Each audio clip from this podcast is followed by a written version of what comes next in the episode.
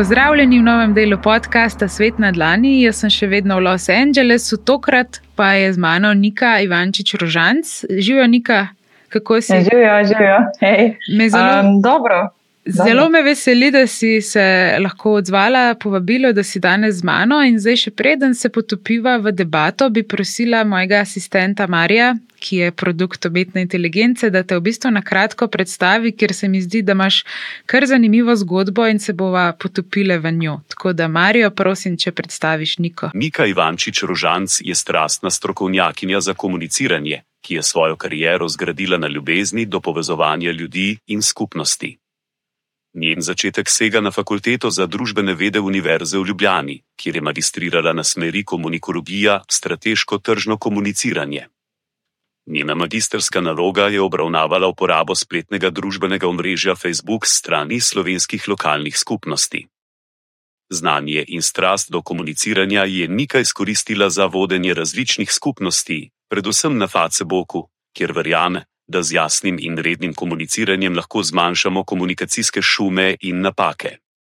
Njen profesionalni napredek je vključeval delo na Evropskem zborovskem festivalu Europa Cantat 2021 v Ljubljani, kjer je bila odgovorna za komunikacijo na spletnih družbenih omrežjih. Nikino ljubezen do kulture, petja v pevskih zborih in plesanja v folklornih skupinah je združila s profesionalno kariero, ko je postala del ekipe prva programa Radia Slovenija. Kot predsednica akademske folklorne skupine France Marold je bila večkrat v stiku z uredništvom za ljudsko glasbo, kar je prineslo priložnost, da sodeluje pri ustvarjanju odaje. Njen delovni dan je vključeval terensko delo, zbiranje gradiva, raziskovanje in veliko poslušanja audio materijala. Nika je zdaj del društva v tujini izobraženih slovencev, vtis, kjer nadaljuje z vodenjem in organiziranjem skupnosti.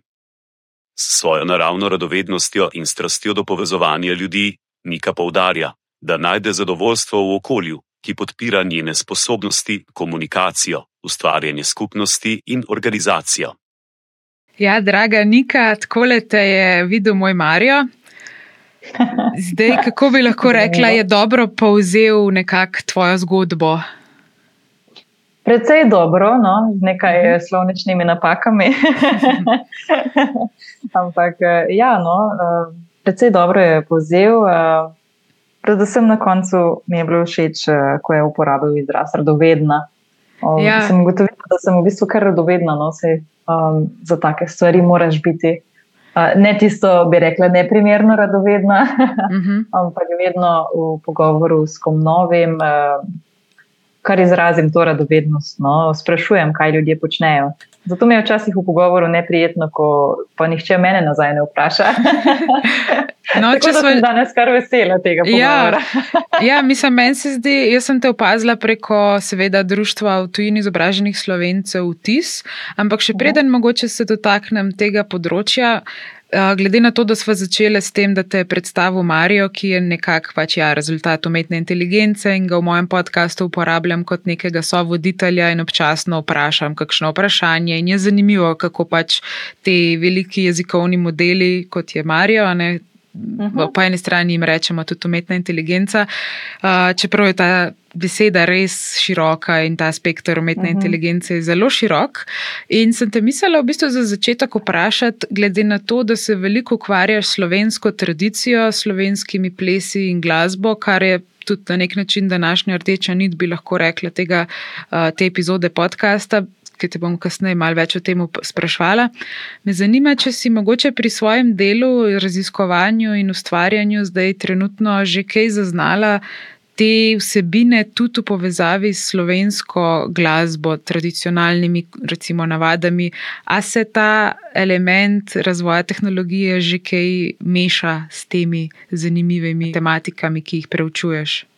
Po mojih izkušnjah je torej rast uh, tehnologije, širjenje tehnologije in umetne inteligence na tem področju predvsem prišla do točke um, digitalizacije gradiva.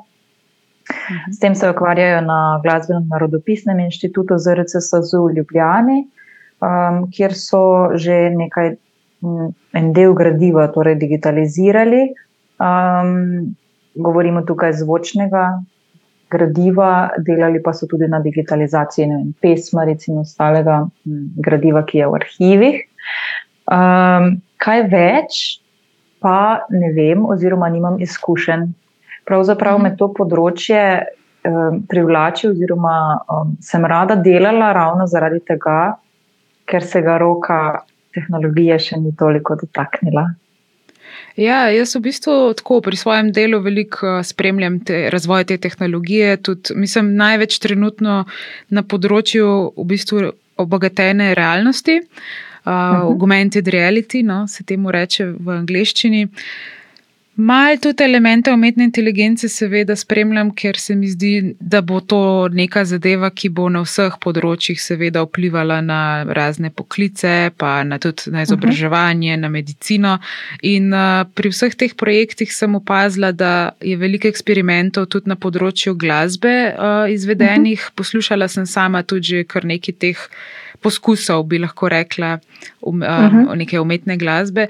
In me zanima, tako čist to je neka znanstveno-fantastična, bi lahko rekla, um, razmišljanje no, v tej smeri. Ali se ti mhm. zdi, da mogoče glasba, ki bo zdaj ustvarjena, pa bo jo uporabljala elemente umetne inteligence, ali lahko na nek način ustvari neko novo tradicijo uh, v pri, prihodnosti? Mogoče? Dokler je ljudje ne začutijo in vzamejo za svojo, ne. Ja, ker to sem te v bistvu um, želela vprašati, kako neka stvar v resnici sploh postane na nek način tradicionalna. Um, predvsem z tem, da prakso pač izvaja, zdaj, če smo v teoriji, ne, da mhm. prakso to neko. Kakršno koli že, ali zdaj, če govorimo o glasbi, glasbeno prakso, da jo izvaja več ljudi, um, in da to pač počnejo nekako redno, ne? da jim to tudi nekaj pomeni. Uh, potem se to nekako spremeni v tradicijo ponavljanja tega, oziroma pridobi neko vrednost, neko drugačno vrednost, kot le um, neko osebno uh, noto, še se temu doda. Um, zdaj, tradicija je za vsakega lahko čisto nekaj drugačnega, ko govorimo pa pač o glasbeni zapuščini. Um, tukaj pa pač gre za, bi rekli, množično, mislim, množično, ne, da, da torej več ljudi deli neke glasbene uh mhm. -huh. prakse. Tukaj mi je zelo všeč, kako ja. menjaš, recimo, ne, da bo to več ljudi izvajalo, potem omenjaš um, da ljudem to postane izvajanje, ponavljanje. Omenjaš uh. -huh. veliko ljudi, ne, ker v povezavi uh -huh. mhm. tehnologijo pa glih opažam, da se pa odstranjuje ta človeški umestnik. In uh mhm. -huh. preden skočim nazaj na uh, tradicionalno folkloro, uh, me zanima, čistko, do katere mere se ti zdi, to je zdaj tako, mogoče malo nehvaležno vprašanje, ker tudi jaz ga pogosto dobim, ampak do katere mere se ti zdi, da mogoče te tehnologije so sposobne pa ustvarjati neko kreativno delo, ali je to še vedno v domeni človeka in mogoče tehnologija nikoli ne bo dosegla te stopnje? Mogoče moramo na to gledati ne kot na tekmovanje, ampak usporedno. Mhm, no, Mogoče, ja, to razmišljanje uh, mi je všeč. Uh, bila sem nedavno na eni predstavi, uh, intermedijski, ali kako bi rekla, no, uh, kjer je bilo res krasno. Počutila sem se krasno, ganilo me je. In sem ravno razmišljala o tem, kako so umetnost, uh, kako se lahko na novo interpretira z temi novimi tehnologijami in um, kako jo lahko na novo doživljamo. In se mi je zdelo čudovito. Uh, zato, da tudi če bi um, torej na področju, če govorimo za tradicijske glasbe, ljudske glasbe, no, začeli kaj takega uporabljati, oziroma če bi kdo naredil kakšen projekt, bi to bilo čudovito, nedvomno. Uh, ampak še vedno pa potem ostaja ta človeški faktor. Um, umetna inteligenca ne bo imela zajemati iz ničesar, če bo vir presahnil. Hm, izvir, izvir, pa smo, izvir pa smo ljudje. Um, sicer dan danes je to že samo zelo usiha, oziroma je izvir zelo majhen, majhen um, potoček, bi temu rekli, uh, ljudska glasba, če se ustavila na tem, uh -huh. je postavljena v okvire nastopov, revij, nekih srečanj ljudskih pevcev, uh, torej na neke, na, v neke prostore, na neke dogodke, kjer je nekako sprejemljiva. Da bi pa ta praksa živela kot je nekoč, naprimer, je vedno manj, no, oziroma vedno bolj usiha, kar je seveda logično, ne zaradi vseh dejavnikov, ki jih poznamo, ne bomo se ponavljali. Um, mhm. Ampak ja, no, tukaj bi rekla, da ne smemo gledati, oziroma probojmo ne gledati na te nove prakse, ki nastajajo kot nekaj, kar nas bo mogoče povozilo, ampak nekaj, kar teče sporedno z nami.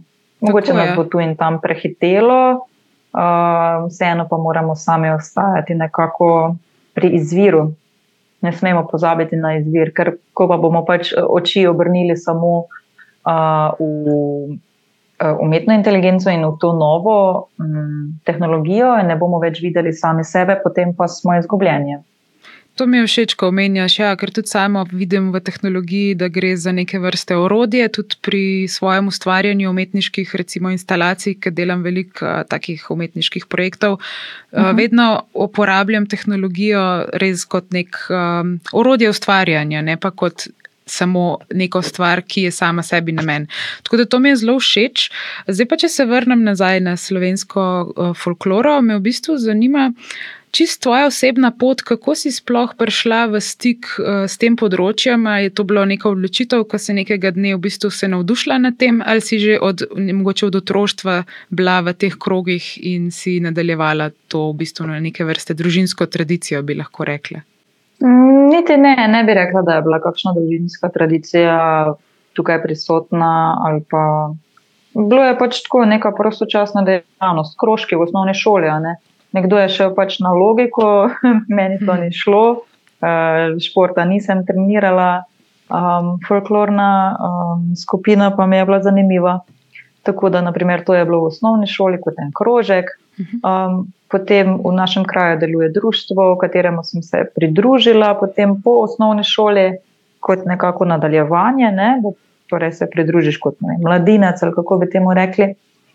Uh, pa je potem to malo presahnilo, kot je čist um, normalno za ljubiteljska društva, da pač ta krivulja delovanja gre gor, pa potem tudi na vzdolj, ker je pač vse odvisno od ljudi in njihovega prostega časa. Um, potem pa me je uh, spet ta ujma ujela uh, v študentskih letih, uh, že v prvem letniku, ko sem se odločila, ali bi. Um, Prosti čas še kam usmerila ali ne, prvi semester v Ljubljani sem se malo iskala, kje sem sploh doma, kam uh, se je usmerjala po zemljevidu mesta. No. Potem pa sem videla, da, da je čisto vse obvladljivo in da lahko zraven faksa hodim tudi še kam drugam. Mhm. Pa, pa sem najprej uh, poskusila pri akademskem pevskem zboru Tone Tomšič, pa niso več sploh uh, jemali sloven, uh, ženskih glasov in sem potem pristopila k akademski folklorni skupini France Marold.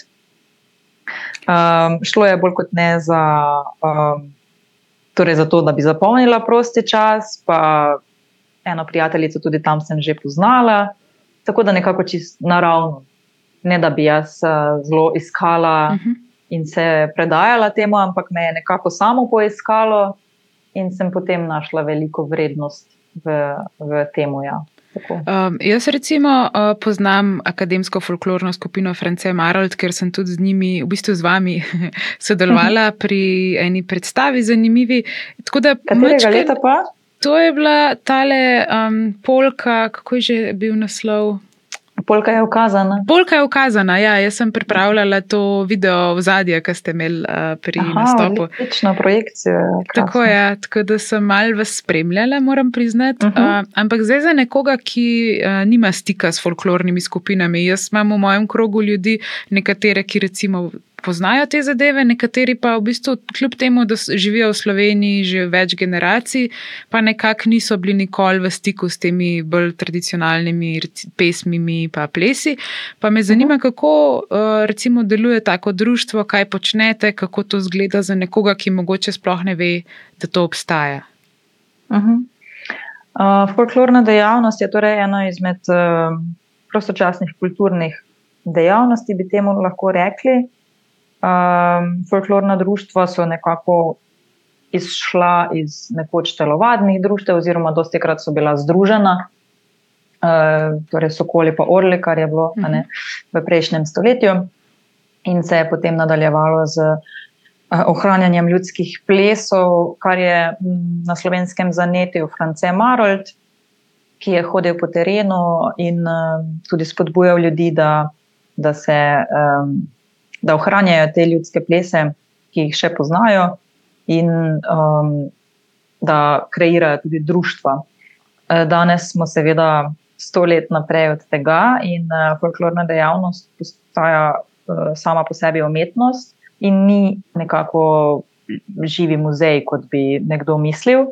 Da so to samo skupine, ki ohranjajo plese, kot smo nekoč plesali in kot smo se nekoč oblačili, uh mhm. -huh. ampak um, gre za čisto kompleksne koreografije, skupinske ali tudi posamične, in torej ples, ki je pač postavljen na oder in je torej umetniško delo.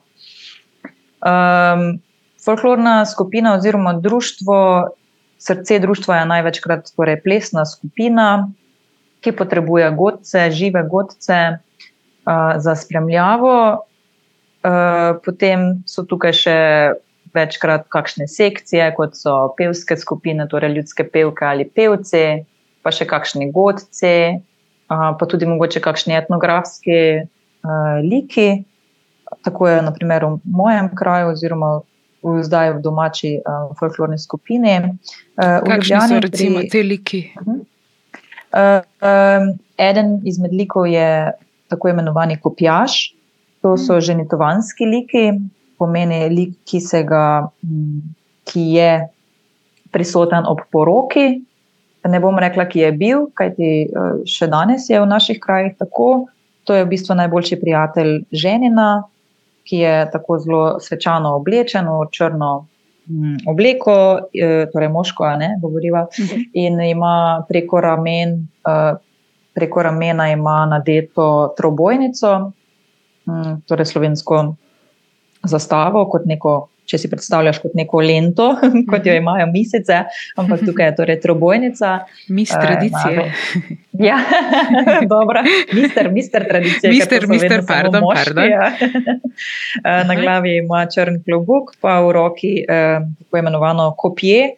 Uh, to je m, mm, takšna dolga palica z veliko pisanimi trakovi, uh, znotraj je tudi ena ruta, uh, in s, te, s, to, s tem kopjetom pleše in ga vihti v zrak.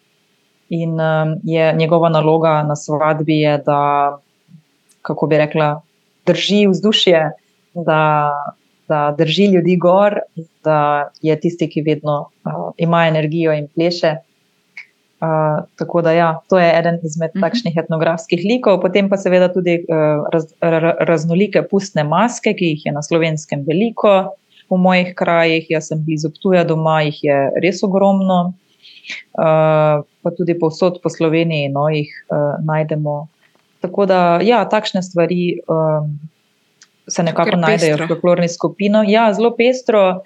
Um, podobno se v krajih ustanavljajo tudi kakšna etnološka društva ali pa kulturna društva. Različno so poimenovana, ne, ampak nekako tu in tam vedno zasledimo, da je nek del, neka sekcija, nekaj ljudi posvečenih temu, da ohranjajo uh, to znana fraza, šega tradicije, navade. Uh mhm. -huh. Mogoče malo oguljena fraza, ampak. Uh, na koncu koncev pa vse prav pride, ko se take ja, stvari. V bistvu, uh, zanima me tudi, uh, omenjaš recimo pustne maske, zdaj okrog uh -huh. pusta, seveda, vsi, cela Slovenija spremlja različne dogodke, ampak domnevam, uh -huh. da vse to, kar opisuješ, se ne dogaja samo okrog pusta, ampak to v bistvu celo leto potekajo takšni dogodki, ali se motim. Zdaj, izredno pustne maske, so žive ali kako bi rekla, seveda samo v pustu. Uh -huh. uh, so pa v zadnjih letih uh, tudi kakšna gostovanja na tuje, kjer je pustni čas uh, ali pa festivalski, rečemo temu čas, uh, druge oziroma druge v letu. Tako sem mislila, ja, uh, in se mogoče tudi takrat uh, pojavijo. Uh, sicer pri nas smo večkrat bili mnenja, da, se, da tega ne počnemo, da pač maska, pustna maska, sodi samo v čas pusta. Uh -huh. uh, tako da se v njo oblečeš in to. Zdaj, če gre za dogodke, predstavitve in podobno, potem hm, se lahko predstavi to, ampak da pa bi. Eh, ti stopil v masko v katerem drugem času v letu, je pa, je pa malo čudno, bi rekla, mhm. oziroma nekako uh, ne dotikaš se tega kar tako. Verjetno je tudi malo proti tradiciji, ker načeloma te maske ima bogato tradicijo ravno pove, v povezavi z določenim obdobjem. Zdaj, če tako, govorimo ja, ja. o pustu, mhm. verjetno gre za preganjanje zime in že tako mal mhm. ta nek duh ujet v maskah, mogoče uh -huh. si želi ostati nedotaknjen. Ja, ja, ja. ja, pravilno ugotavljaš. Mislim, da moramo vsekako to spoštovati in imeti. Um, Distanco neko ne, vzdrževati, oziroma spoštovati samo masko in njen namen. Eh, danes smo v času, ko je marsikaj dovoljeno, oziroma si mhm. dovolimo marsikaj, tako bom rekla, ker dovoljeno ni kar vse. Uh, ampak si dovolimo marsikaj, uh, se ne vem, karkoli. Uh, mi je pa zelo všeč, no, da se spoštuje določene rituale, čase, vsaj pri maskah je tako. Uh, Tako da, ja, spoštovanje je, gre tukaj z roko v roki. Ja. Zdaj, mogoče, ko omenjaš tudi malo bolj te sodobne pristope, um, me zanima, če, po tvojem mnenju, kakšna je recimo vloga družbenih medijev pri ohranjanju in širjenju znanja o slovenskih ljudskih pesmih in plesih? Zagotovo pozitivna, do mere, kjer se to predstavlja širši javnosti praktičen primer, da lahko ti na mhm. YouTubu poiščeš neko pesem ljudsko, ker drugače bi mogoče moral iti na Ljubljano, na inštitut, kjer bi ti poiskali, ne, uh, pa si vzeti tam čas. Uh, zagotovo je tukaj pozitivno, ne, da lahko že kar po spletu poiščeš in poslušaš. Na tak način se ta glasba tudi hitreje razširi, ker uh, pač če nismo tam, kjer so ljudje, uh, kot je bil naziv moje magistre, oziroma naslov moje magistrske naloge, potem pač zgrešimo ljudi. Um, če torej glasbe nimamo na. Dobro, YouTube je mogoče že dan danes malo zastarel, so že druge, tudi pretočne uh, platforme za poslušanje glasbe. Uh, ampak, če je nimamo tam, potem jo bo redko kdo slišal. Verjetno sem še ena redki, ki ima sploh CD predvajalnik in različne zgoščenke. uh, ja, no, tako da z tega vidika je to sigurno, uh, je to sigurno pozitivno.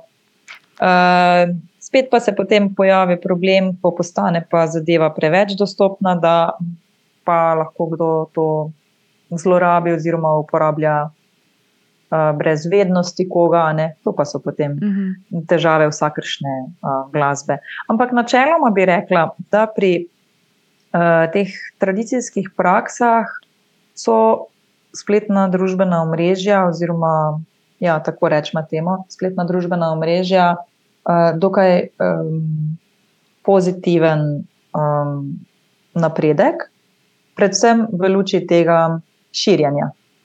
Ja, verjetno tega. domnevam, da ja. se na račun tega vključi malo več mlajše generacije v to ohranjanje Tako. slovenske mhm. folklore. Mm. Tako je, ja, sigurno, sigurno, ker um, radija več ne poslušajo, predvidevam mlajši, no, um, CD-jev ni, kasetni, mm -hmm. uh, doma več ne pojejo, tako da kje bi še drugi mm, slišali, lahko ne, kot na kakšnih še koncertih nastopi, ampak če tja ne grejo, če pa dobiš podnos na Instagramu, na Facebooku, pa če ne drugega, vsaj slišiš tiste tri Točno sekunde, tako. ne. Pa tudi, recimo, po mojih izkušnjah, jaz veliko potujem, pa delam v tujini in mene pogosto kdo vpraša, tako tujca, ne tujci, Mhm. če mogoče jim lahko pokažem kakšno pesem ali pa ples, ko malo bolj Mhm. tradicionalno jih zanima. In uh, sem v bistvu zelo hvaležna, da te stvari obstajajo na internetu, ker seveda sabo ne nosim nekih, ja, kot Ja. si omenila, kaset in teh stvari. In z veseljem pokažem, ampak moram priznati, da imam pogosto kar malce težave tudi najti nekaj, kar je uh Mhm. -huh. primerno. Ne? Ker če tako samo napišeš Slovenijan music ali pa nekaj najbolj, če ne poznaš, a ne konkretno, kaj bi uh Mhm. -huh. predlagal tujcem, v bistvu se lahko zaciklaš v neko iskanje, pa pa pogosto so velike te hecov na račun uh, interpretacij, takih slabih, a ne kopij, bi Ja, lahko ja, rekla.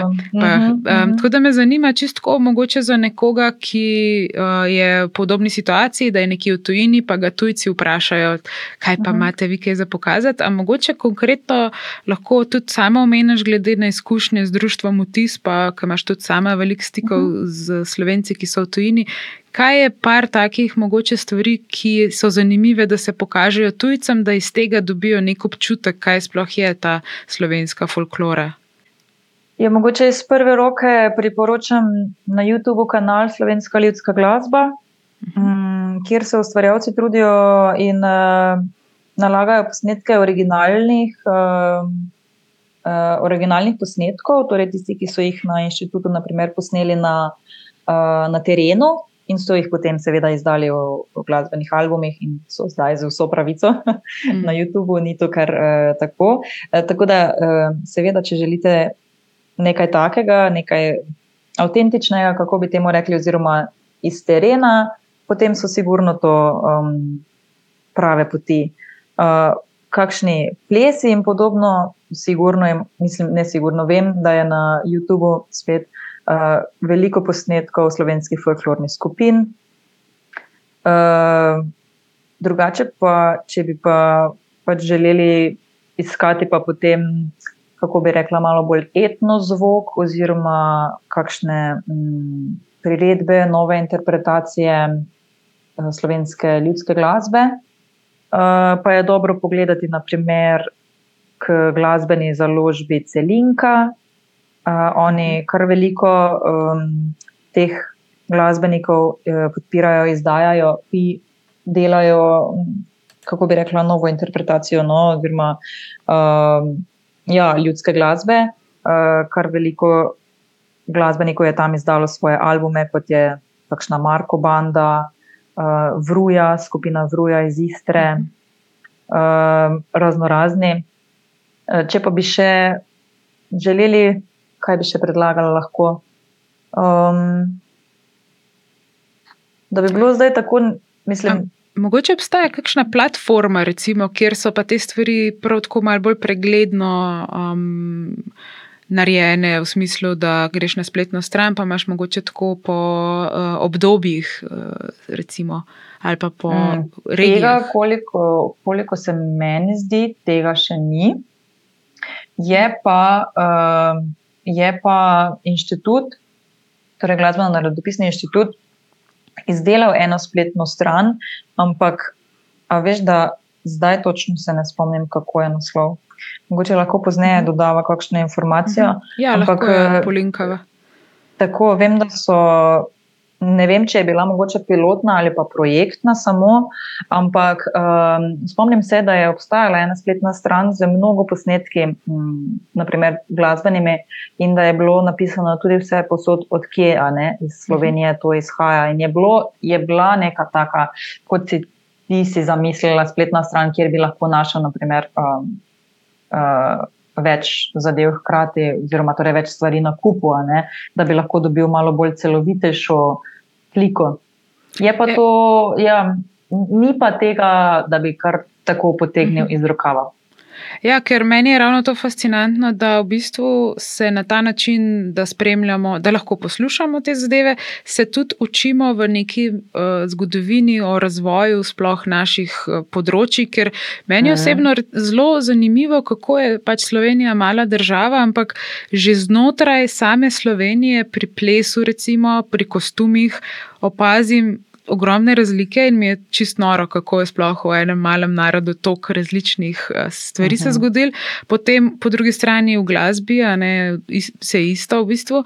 In pol te stvari jaz tako malo rada v tujini pokažem. In Pa vprašam, ne, recimo zdaj sem v Ameriki, američane, kaj pa pri vas, ne, pa, pa mi jim pokažejo uh -huh. tudi neke zadeve, ampak tako. Um, velikrat so presenečeni, potem, ko jim povem, kako je mala v resnici Slovenija, ker, ja. nek, uh -huh. ker kar vidijo, si predstavljajo, da gre to za nek gigantski narod, kjer nas je milijarde in imamo pač toliko teh nekih, ko bi rekla, ne sekt, ampak ja, uh -huh. ne vem več narodov znotraj ene države. Ne? Tako da me zanima, čistko po tvojih raziskovanjih, zakaj je sploh prišlo do tako ogromnih razlik, pa za tako pestre kulturne zgodbe v resnici na tem malem uh mhm. -huh. področju. Uh mhm. -huh. Ja, čisto prav ugotavljaš, tako ti kot številni tujci. Um, že če se ostavimo pri jeziku, slovenščina ima, koliko vem, več kot 50 narečij. Nekateri, nekateri jeziki narečij sploh ne poznajo. Uh, pri nas, kot radi rečemo, v vsaki vasi uh, govorijo drugače. Um, potem enako si ugotovila za plese in, uh, in uh, oblačilno dediščino. Predvsem oblačila so res raznolika in bogata, uh, vse naokrog, pa tudi pesmi, oziroma temu bi rekla pevske prakse, torej različni. Stili ali kako, mhm. kako bi uh, to poimenovala. Um, mogoče še najmanj pri plesu sicer no, se opazi um, takšna posebnost ali pa raznolikost, ker če pogledamo malo na širše, če odzumiramo Slovenijo in imamo zdaj še sosednje države zraven, potem sploh pri plesu vidimo velike podobnosti uh, med evropskimi regijami ali kako bi rekla. Ne? Uh, mislim, pa po mojem, zagotovo so to neki mm, realni, uh, realni uh, razlogi. Je za Slovenijo to, da je prvo kot prvo tako naravno razgibana, veliko je dolin zaprtih, uh, pa planot, pa ravnin, pa rek, ki jih ni bilo mogoče tako enostavno prebresti. In pač ljudje se niso tako mešali. Ne? uh, niso mogli iti iz ene doline do druge, kar tako na hitro. In potem so pač ostali v tistem svojem krogu in so gojili svoj jezik, uh, ki se je pač uh, iz doline v dolino malo je dobival nove premene. Potem, ko je bila ena velika naravna ovira, neke gore ali pa veliko jezero ali pa vem, velika reka, na drugi strani pa so govorili čist drugače, ker se mogoče niso tako veliko mešali med sabo. Uh mhm. -huh. Enako potem velja za pesmi. Pesmi so, so sicer uh, potovale od ust do ust in se znajdejo nekatere pesmi po čist uh, celotnem slovenskem uh, področju. Sabo so jih nosili uh, različni obrtniki uh, ali pa igrci, kot jih uh, poimenujejo. Torej, rečemo temu, neke novejše, novejše verzije trubadurjev. Uh, in tako je pač to vse uh, potovalo. Um, raznolikost je res velika, uh, velika pa je tudi navezanost na sosednje um, dežele, oziroma se pač vidi ta uh, premes. Vseeno še je zadeva slovenska, ampak vidi se, da so neke skupnosti, naprimer v celotnem alpskem uh, prostoru, da so neke lastnosti skupne, ali pa tukaj na panonskem, uh, panonskem svetu, pa potem spodaj uh, južno, Bela krajina, uh, se sigurno veliko povezuje s sosednjo Hrvaško ali pa tam Kočevje, Gorski Kotar. Um, tako da ja, je pa res, da je um, Slovenija kar uh, zelo, zelo, zelo raznolika, tako po naravi. Mhm kakor tudi po uh, jeziku in potem nadalje kulturni dediščini, pesmi, plesih, oblačilih. Tako da, ja, res imamo čudovito državo. Ja, res mi je noro, kako je na tako malem področju tako ogromno uh, stvari se razvil, pa predvsem tudi. Koliko je to vizualno bogato. Ampak uh, jaz, recimo, že odnegdaj nekje v zadju me spremlja malo tudi ta folklora, ker uh, moja babica je zelo rada pela, pa tudi imela je to tradicionalno oblačilo, gorensko nošo. Um, in tako, zdi se mi, da je to pač že odnegdaj med nami, ampak v resnici verjetno se. To ni kar en, mislim, ni to že 3000 let, verjetno, ali, ali se po tvojih izkušnjah raziskovanja se je to nekje začelo? V katerem obdobju približno so te stvari sploh začele nastajati? V letih, da ne bom rekla uh, napačno, ampak uh, ko, se je, uh, ko se je Slovenija začela, oziroma Slovenija takrat znotraj Avstrije-Ogrske, ko so se države začele malo prebujati. 1848, če se prav spomnim, uh, je bilo to, uh, so začele tudi malo bolj gledati na sebe in gledati, kaj jih sploh dela drugačne od drugih, od uh, ostalih. Uh, ena izmed teh reči je sigurno bila kulturna dediščina uh, in jezik, pesmi in podobne zapuščine. In potem je v letih, uh, torej v drugi polovici uh, 19. Tako, uh, stoletja, je uh, dr. Karel Štrekel uh, bil oseba, ki je začel z zbiranjem narodnega gradiva, so takrat temu tako rekli, oziroma po domače rečeno z zbiranjem ljudskih pesmi oziroma pesmi. Um, to so počeli tako, da so ljudje pošiljali uh, po pošti uh, zapisane pesmi, vse, kar so se spomnili in so to potem nekako urejali v zbirke. To se ni dogajalo samo pri nas, ampak tudi drugod, v Avstriji in širše. Um, s tem so nekako uh, dajali osebnost narodu. Um, in se pač hoteli nekako preveriti, kje pa so korenine, oziroma spustiti korenine, mhm. kajti brez, brez korenin ne obstojimo. In uh, sigurno je kulturna dediščina en taki vezni člen, ki drži te korenine trdno uh, pri tleh. Um, Medtem, ko prej si omenila, da ima babica doma uh, kostum, oziroma temu rečemo narodna noša, kar je razlika s folklornim kostumom. Narodna noša je torej to, um, rečemo, zdaj uveljavila se je torej gorenska uh, narodna noša.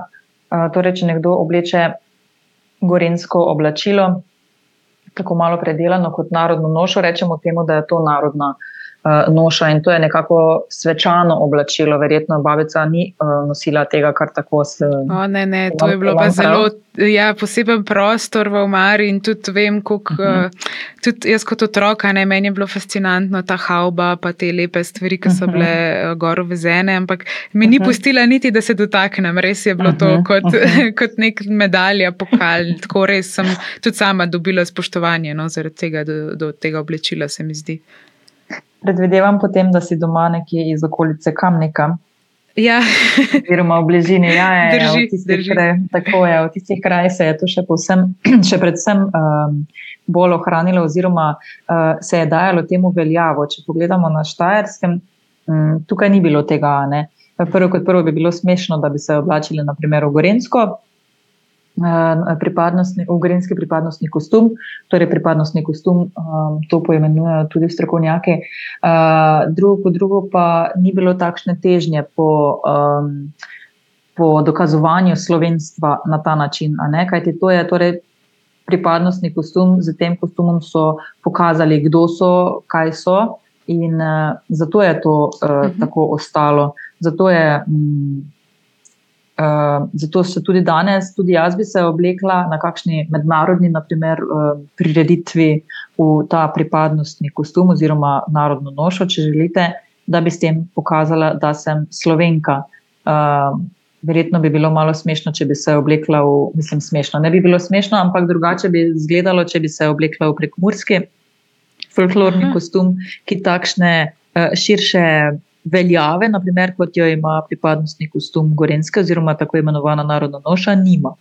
Se pravi, narodna noša je samo Gorenska, če sem prav razumela. Drži. Tako je. Tako Aha, je. Ja, narodna noša je, je besedna zveza, s katero poimenujemo um, ta pripadnostni kostum, ki se je uveljavil pač zadnjih 150 letih, kar lahko uh, pač, uh, ne vem, ta gorinska obleka, sklepanec, avba, ruta, uh, beli, uh, uh, bele nogavice, črni sandalčki. Uh, to Alba. je narodna noša. Jaz sem rekel, da je avba. Se pravi, avba, avba je pravilno. Okay, avba, ja, ja. avba za tiste, ki ne vejo, mogoče če samo poveš, kaj točno misliva s tem, ko rečeva avba. Uh, upam, da bom prav povedala. Mislim, uh, uh -huh. Upam, da ne posluša kakšen zelo velik strokovnjak, ampak avba je na, glavna, na glavno pokrivalo, zelo uh, lepo izvezeno, verjetno tudi zaradi tega ti babica ni dovolila se tega dotikati. Ja, ja, predvsem zato. Uh, ja, ker sem pred nekaj meseci govorila z gospo, ki veze uh, avbice oziroma avbe. Je, to je taki, ta prednji čelni del, ki ima tudi posebno ime, pa sem pozabila. Mhm. Je torej eh, ponavadi iz kakega žameta ali pa no, nekega dražjega materijala, in gor so navezene različne vezenine z različnimi niti, nitmi, pa še kakšnimi dodatki. V eh, zadnji pa je potem uh, prišita zraven uh, blago, s katerim se. Zaveže to avbo na glavo, ampak moramo poudariti, torej, sem rekla, sem govorila z gospod, ki to veze. Um, to je toliko ročnega dela, toliko truda in uh, toliko naporov, da si tega sploh ne moremo zamisliti dan danes. Mislim, zdaj v času uh, te potrošne mode, ja. pa sploh to pa res. Ja. To, to je takšna dragocenost, da ko, ko enkrat to prebereš, oziroma izveš, oziroma ti nekdo pove, koliko je to vredno, se komaj da upaš dotakniti z rokami. Ja. No? Res, to, to, je, to je toliko, toliko dela, da je neverjetno. Res. Uh, ampak, kje sem uh, že prej ostala, sem hotela samo povedati razliko med folklornimi kostumi in narodnimi nošami. Torej, če vidite folklorno skupino, oblečeno v oblačila oziroma v kostume, neke, uh, temu ne rečemo narodna noša, ker uh, torej je narodna noša samo ena, kot sem prej dejala. Ne? Vse ostalo so folklorni kostumi. In folklorne skupine um, delajo na tem, da.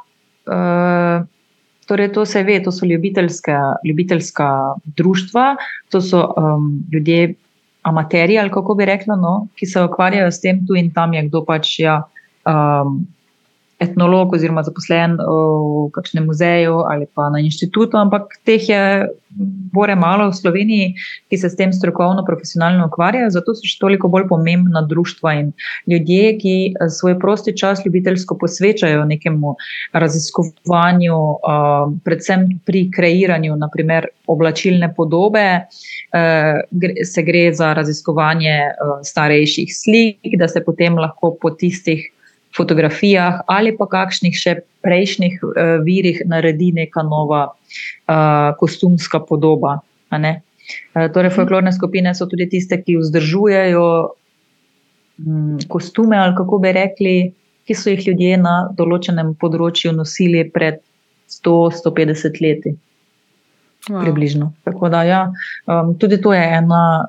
En, ena eno delo, naloga folklornih skupin, ampak ne želimo pa jim dajati etikete, torej živi muzej, ker um, dan danes je uh, dejavnost folklorna toliko napredovala, da, da ni več samo to, da to ni mhm. več samo um, ponavljanje starih vzorcev uh, plesov, pa tudi ni. Uh, Brezmejno vrtenje na avsenika, kot včasih kdo reče in misli, ampak je veliko večja. Ja, kako mogoče slovenska ta tradicionalna glasba in ples vplivata na sodobno slovensko kulturo? Se ti zdi mogoče, da se neke niti vlečajo še iz teh preteklih obdobij? Mm, sigurno, ja, to sem pa veliko uh, videla in doživela uh, pri delu na prvem programu, torej pri oddaji Slovenska mm. zemlja v pesmi in besedi.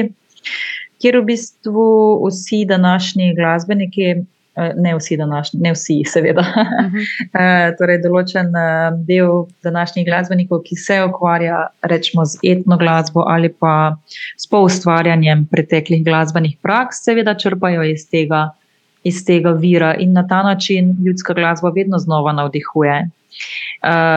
Zdaj, do kakšne mere si jo prisvojijo oziroma jo poustvarijo, to je zelo raznoliko.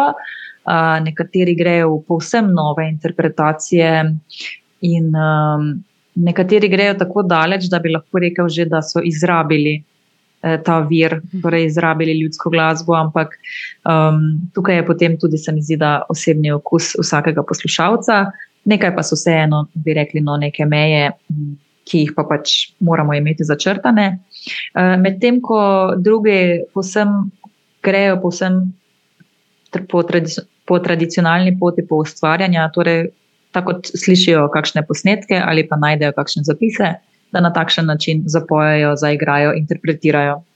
Ampak ja, res je kar nekaj uh, slovenskih glasbenih skupin, ki poustvarja, ki črpa iz ljudske glasbe. Zagotovo ste slišali za Jana Zadovča, Uh, je kar uh, multi-instrumentalist in uh, tudi multi-glasbenik, bi jaz temu rekla. Uh, ustvarja zelo raznoliko glasbo in tudi ljudske uh, se dotika. Uh, potem so tukaj, kot sem že prej omenila, Marko Banda iz Prekmurja, Vruja iz Istre, um, Trio Lumi. To so bili, oziroma so uh, trije mladi glasbeniki, študentje glasbe, ki so se sicer bolj dotikali tudi skandinavske ljudske glasbe, ampak so eh, tudi naredili nekaj priredb slovenske. Uh, trije godalci, v bistvu. No. Uh, potem so tukaj razno razni um, pevci in pevke, uh, seveda Katice, mhm, pa uh, Katice, zelo znane, ja. pa Hrušiški fanti, ki so glasbo tudi malo popularizirali z um, pevcem Rudijem Bučarjem, ki tudi, naprimer, uh, kot bi rekli, v osnovi neki pop pevec, uh, veliko, veliko uh, posega po izviru ljudske glasbe in jo pa ustvarja na popularen način, kar je tudi zelo dobrodošlo. Hm. Kaj ti takšna glasba potem, žal, sicer, ampak ja, lažje najde pot do radijskih sprejemnikov in poslušalcev. Uh, tako da, ja, seznam vseh, ki, uh, ki črpajo pri viru, je seveda dolg. Slišite pa jih lahko v marsikateri oddaji Slovenska zemlja v pismi in besedi, eh, ki jo najdete v arhivu eh, prvega programa Radia Slovenija, pa si lahko kakšno tudi uh mhm. -huh. zavrtite. Ja, to bom nujno tudi polinkala v opis epizode. Um, mogoče, če se vrnem nazaj čisto na splošno k slovenski folklorni glasbi in plesu, kako se pa po tvojih izkušnjah in raziskovanju v bistvu razlikuje od nekih ostalih evropskih tradicij? Uh, glede plesa, ne bi morala čisto zagotovo komentirati, ker tukaj nisem, mm, bi rekla, mhm. kompetentna, nisem ga nikoli tudi ne raziskovala, samo prakticirala. Um, in koliko, če bi čisto lajično povedala, uh, za razliko naprimer, od južnih držav, imamo v Sloveniji veliko plesov v paru, uh, manj imamo tega kola, kolanja. Torej, Kolo je skupinsko? Skupinski ples, ja, ko se plesalci in plesalke držijo v krogu. Tega, mhm. to je zelo prisotno v, v južnih državah, torej govorimo o Srbiji, Makedoniji, podobno. Tam bolj kot ne prakticirajo samo določene kraje, samo to. E, pri nas pa je veliko tega plesa v paru, torej plesalec in plesalka.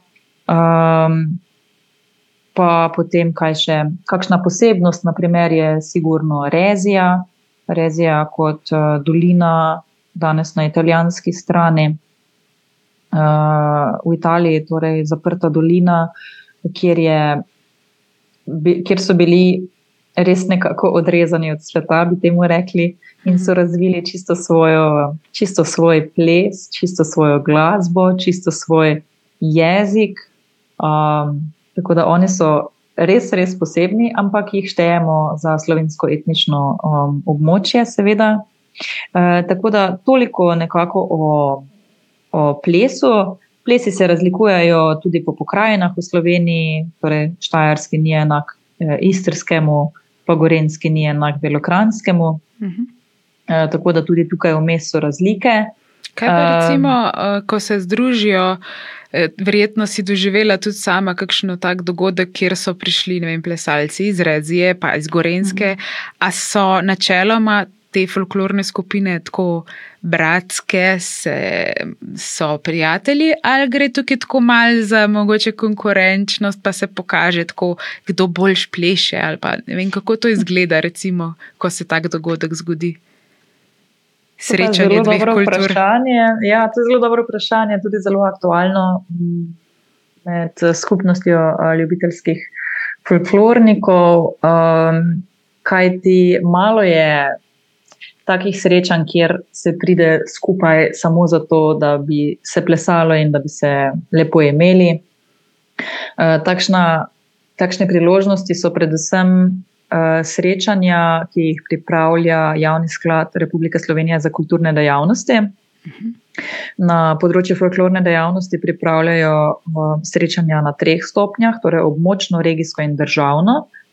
In um, tukaj nekako gre za ocenjevanje, ali kako bi rekla. Uh, torej, če na območnem dobro zaplešeš, torej območje pomeni um, nekaj občin skupaj, ne? uh -huh. uh, kjer se predstavijo vse folklorne skupine na srečanju, in če dobro odplešeš, uh, ker je na vsakem srečanju tudi ocenjevalec. Uh, te potem lahko uvrsti na regijsko. Če tam dobro odplešeš, tam se potem združijo že folklorne skupine iz regije, torej uh, malo večjega uh, področja. Uh, lahko prideš tudi na državno, na državno wow. pa pridejo, torej, tako bi rekli, najboljše folklorne skupine. Uh, tako da ta element tekmovalnosti je sigurno prisoten, ker tudi sistem to spodbuja, bi, bi jaz rekla. Uh, menim, da je tekmovalnost zdrava, uh, s tem se spodbuja nek napredek uh, in se dela, bi rekla, na izboljšanju več čas, kar je se mi zdi zelo dobro. Pa na nek način je, tudi vidim, ja. um, da mogoče tako v preteklosti, pred kar nekaj let, mhm. če grem zelo daleč nazaj, še preden so uradne, um, so bili uradni dogodki, domnevam, da so tudi, če so se recimo kakšne skupine iz različnih dolin srečale, da so pa kdaj tudi mogoče zaplesali, pa pokazali drug drugmu v resnici mal, kaj zmorejo, pa v čem so boljši. Tudi tako, če zgodovinsko, verjetno je šlo za neko tako tekmovalnost, ki je mogoče bolj zdrava, kot recimo, da so se stepali med sabo. sigurno, sigurno se je na plesiščih dogajalo marsikaj. Um, stavljamo si mogoče. Uh, kakšen prizor iz cvetja jeseni, ko grejo ravno tam k maši, ker imajo žegnanje, uh -huh. uh, pa je tudi tam uh, leseni tan spodnji, bi rekli temu na Štajerskem, oziroma plesni uh -huh. pot. Uh, tam je vsakrat pokazal, kaj zna. Uh, predvsem z namenom, da si morda osvojil kakšno dekle, uh, pa da si se malo postavil s plesom. Tako, uh, ja, tako da še dan danes je temu tako, bi jaz rekla. Uh, ta nekša, neka tekmovalnost je, mislim, tekmovalnost. To, to postavljanje je sigurno uh, uh, kar inkorporirano ne, v DNK-ju samega plesa. Uh -huh. Uh, drugače pa na srečanjih, kot smo prej omenili, uh, seveda so zelo prijateljska. Je pa res, da um, ugotavljajo starejši plesalci, plesalke, folklorniki, folklornice, da je bilo mogoče v prejšnjih letih več tega druženja, uh, več je bilo tudi poudarka na tem druženju. Danes sistem sistem, pač govorimo o teh uh, folklornih srečanjih, ne, tega ne um, poudarja preveč, oziroma ne, mislim, nima, nimamo časa, ali kako bi rekla, hm. preveč za to več. Uh, pa tudi generacija se je menjala, sigurno ljudje danes, mladi danes niso več enaki, kot so bili uh, pred uh, par desetletji. Uh, tudi COVID je storil svoje, upam, da to ne zveni preveč. Uh, zdaj pa mi je ušla beseda. ja, mislim, kar se tega COVID-a tiče, mislim, da kljub temu, da je načeloma minilo, čeprav recimo tukaj v ZDA spet opozarjajo na neke nove seve, ampak mislim, da bo to i tak z nami še kar dolgo, uh, ja. je zelo vplival na vse skupaj. Vidim tudi sama, ker vodim razne delavnice za mlade, uh mhm. -huh. recimo filmske uh mhm. -huh. in take stvari. Uh mhm. -huh. In uh, se v teh njihovih kratkih filmih in izdelkih pojavljajo čist druge vsebine, ker sem že več let to delam, no pa sem presenečena, da je v to kratkem obdobju, ker na nek način je kratko obdobje, ni zdaj to 20 let trajalo, ne ta mhm, COVID uh -huh, uh -huh, uh -huh. zadeve, ampak. So se, ja, vplivalo je tudi in mogoče tudi v, vašem, um, folklorni, v vaši folklorni skupini, ne vem, kako imate običaje sprejemanja novih podmladkov, ampak mogoče opažate tudi, um, kaj upada ali pa mogoče celo rasti pridruževanje novih članov kaj je v bistvu trend trenutno, kar se tega tiče? Uh, zdaj, da bi bila kakšna posebna raziskava na to temo narejena, za njo ne vem, tako da um, posploševati ne morem. Lahko povem samo primer iz domače folklorne skupine, ki jo trenutno vodim. In sicer je v bistvu v času COVID-a um, smo kar nekaj ljudi pridobili, ker pač drugega si niso imeli za začeti oziroma niso imeli uh, kam drugam iti. Tako je bilo več časa in so prišli sem, in potem se je nekako dober glas razširil, pa je prišlo še več, pa je prišel še tisti, pa oni. In se je v bistvu uh, članstvo skupine zelo povečalo. No, super. Uh, ja, to je res. Uh, super je pa uh, opaziti razliko pri naravi ljudi, ko gre za neka druženja ali pa organizirana druženja, ne se mi zdi. Uh -huh. um, ne vem, ne vem točno opisati v besedah, kako, uh. -huh. ampak je drugače. Je mogoče to bolj na neki fizični ravni, v smislu, ne vem, že če plešeš, pa sta dva par, pa je mogoče težje nekomu, če ne pozna pač soplesalca, prijet pač uh mhm. -huh. nekoga. Ja, sigurno so, ja, ja? Ja, ja, sigurno so mlajši, hm, uh, veliko bolj kako bi rekla, nezaupljivi ali pa še bolj sramežljivi, kot uh mhm. -huh. so itak najstniki, pa že, ne, zdaj, uh -huh. to je logično.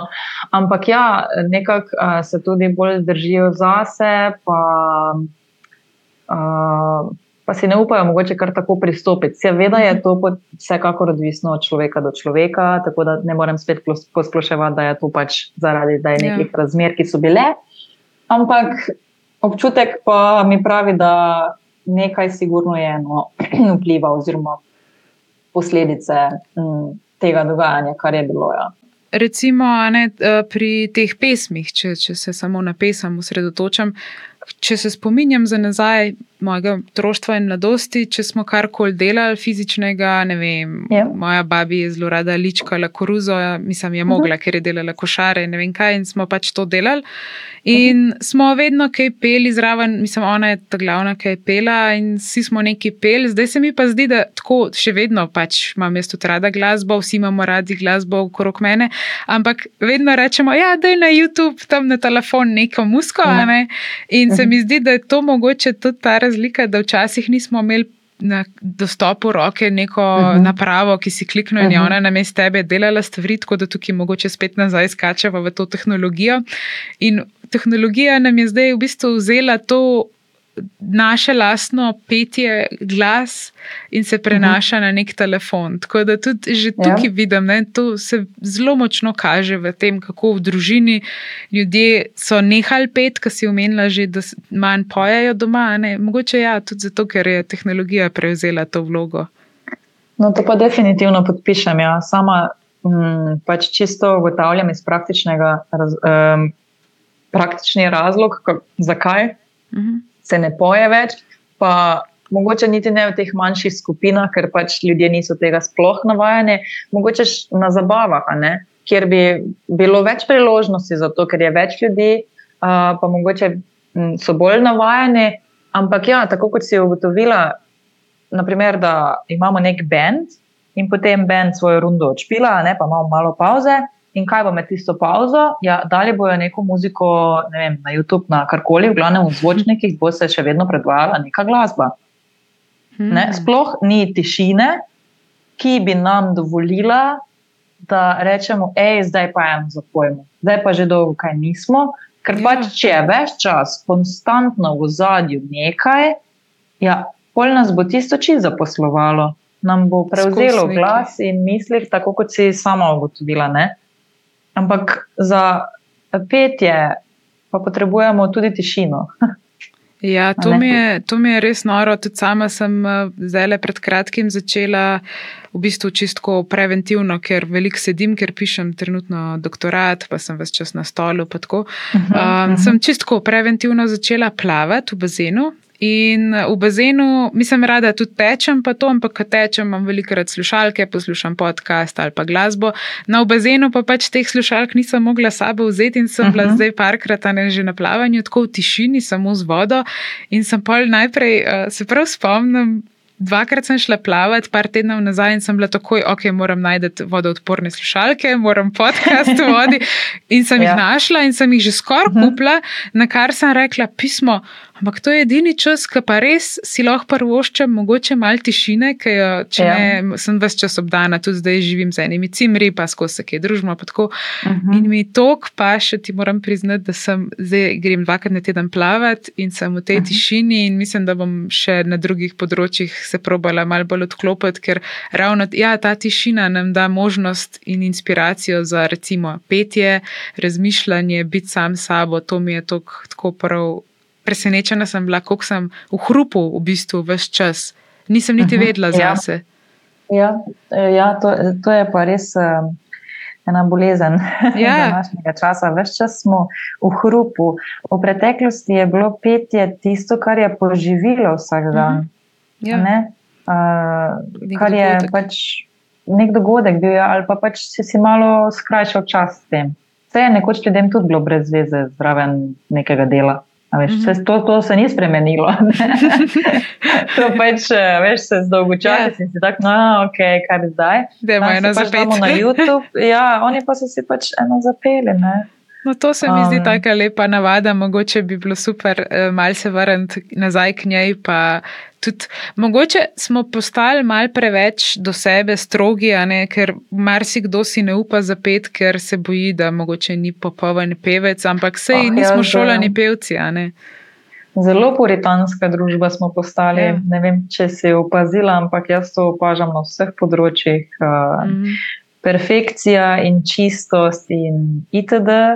Ampak ljudska glasba ti pa da en setback, bi temu rekli. Yeah. Ja. Ampak taki dobrodošel. Jaz sama sem do 18-19 leta pela v vseh različnih zborovskih sestavih, vokalnih sestavih, eh, takšnih, ki so tudi šli na tekmovanja ali pa bili za uh, diplomske zbore. Mm, tako da sem posegala po res po različnih uh, tipih glasbe in predvsem zborovske, pri kateri je pač bila v spredju natančnost, točnost. Uh mhm. -huh. In potem sem se srečala z ljudsko glasbo in prvo sem potrebovala verjetno več kot pol leta, da sem razumela, da tukaj pa zdaj ni neke dinamike, da tukaj pa zdaj ne pride upoštev piano, pa forte in bla bla. Uh mhm. -huh. Ampak da tukaj pa pride upoštev eh, srce, in, in besedilo, in to, kar ti pač govoriš. Mhm. Seveda je od, od pesmi do pesmi sporočilnost različna, um, mogoče je kakšna sploh ni tako izpovedna ali pripovedna, um, ampak ko enkrat to usvojiš, je potem tako naravno in tako po eni strani tudi terapevtsko, bi rekla, um, zapeti takšne pesmi, sploh v skupini, um, da je res prav fajn. No. In um, ko pojem ljudske pesmi, ker uh, sem ustanovila tudi eno skupino z puncami, uh -huh. uh, kjer pač posegamo po teh uh, praksah, tradicijskih, glasbenih. Um, ko tako sedimo, pa si nekaj povemo, pa pol vzamemo v roke eno besedilo, uh, pa zapojemo pesem. Pa ko se res sprostimo, to tako polno zazveni, da ne more nobena druga glasbena zvrst se temu približati. Pa s tem nočem diminuirati ostalih glasbenih zvrsti ali postavljati ene nad drugo. Nikakor, ker sem sama človek tako raznolikih glasbenih okusov, da pač poslušam vse. Ampak vsaka zadeva ima svoj čar, pri ljudski glasbi pa je to še posebej izrazito. Ampak moraš znati se ustaviti in poslušati. To je dan danes zelo težko, ja. zato pa mi je še toliko bolj privlačno. No. Ustaviti se in, uh, in slušati, in izklopiti tiste puritanske glas v, v glavi, ki pravi, da je tukaj pa je bilo malo fauš, to pa ni bilo v redu ali pa ja. karkoli. Ampak človek poje z veseljem. Pa ne rečem, da se pa zdaj tolerira, tolerira ravno vso fušanje, to ni to. Mhm. Ampak, ampak, ampak je, kako bi rekla, je neka razlika. No ker ko je odpeto od srca in uh, ko dobiš ti tisto energijo in tisto sporočilo, ki ga pesem ima, je to toane. In je pač res prava terapija stopiti nazaj v svet, ki ga mogoče ta tehnologija še ni dosegla. In Ja, no, to. ne, ja, jaz, jaz točno vem, o čem govoriš, ker tudi, ko je recimo še babica veliko uh, teh pesmi zapela in to, ko, ne vem, nekako začutiš nekaj, kar ne bi niti rekel, da gre za pesem. Prav tako neka ta mm. moč celotne zgodovine naroda, področja nekega človeka. In ravno to, kar je meni osebno všeč, ko govorimo o tehnologiji, da vemo, da tehnologija ni enako človek ali pa neka replika, ki bo nekega dne človek. In mi je to ja. všeč, no, da je to ta, v bistvu neka duša bi lahko. Povzela vse skupaj, res to, to mi je všeč pri tradicionalni pesmi. In um, zdaj, še preden se v bistvu posloviva, pa bi zaključila mogoče tole tale podcast z eno malce hecno zadevo. In sicer uh mhm. -huh. sem danes Marija vprašala, če lahko on, kot neka umetna inteligenca, napiše tradicionalno slovensko pesem. Ki pač ne obstaja, in zdaj bi rada, da za zaključek poslušamo, kaj je interpretacija umetne inteligence o tradicionalni slovenski pesmi. Pa, Marijo, prosim, če prebereš, kar si napisal, tvoje besedilo pod visokim gorskim vrhom, tam, kjer ptiček cvrči svojo pesem, v deželi, kjer se dnevi prelivajo v noči, živijo ljudje z dušami, polnimi san. V dolini, kjer rastejo šopek modrih rož, je živel mož, čeden kot gorski orov. S srcem močnim kot hrast in pogledom jasnim kot potok, je z vsakim dnem skrbel za svoje ljube kmetijske živali. Vesel je bil, ko je slišal melodijo vetra, ko je pod svojimi nogami začutil trdo zemljo. Pleše in poje o podnju, ki mu sveti pot, njegova pesem se razlega preko gričev in dolin. Tukaj med gorskimi cvetovi in zelenimi travniki, med šepetom gozdov in zvonom krav, je njegov dom, kjer se rodi pesem, kjer ljubezen do zemlje kliče iz vsake vrstice.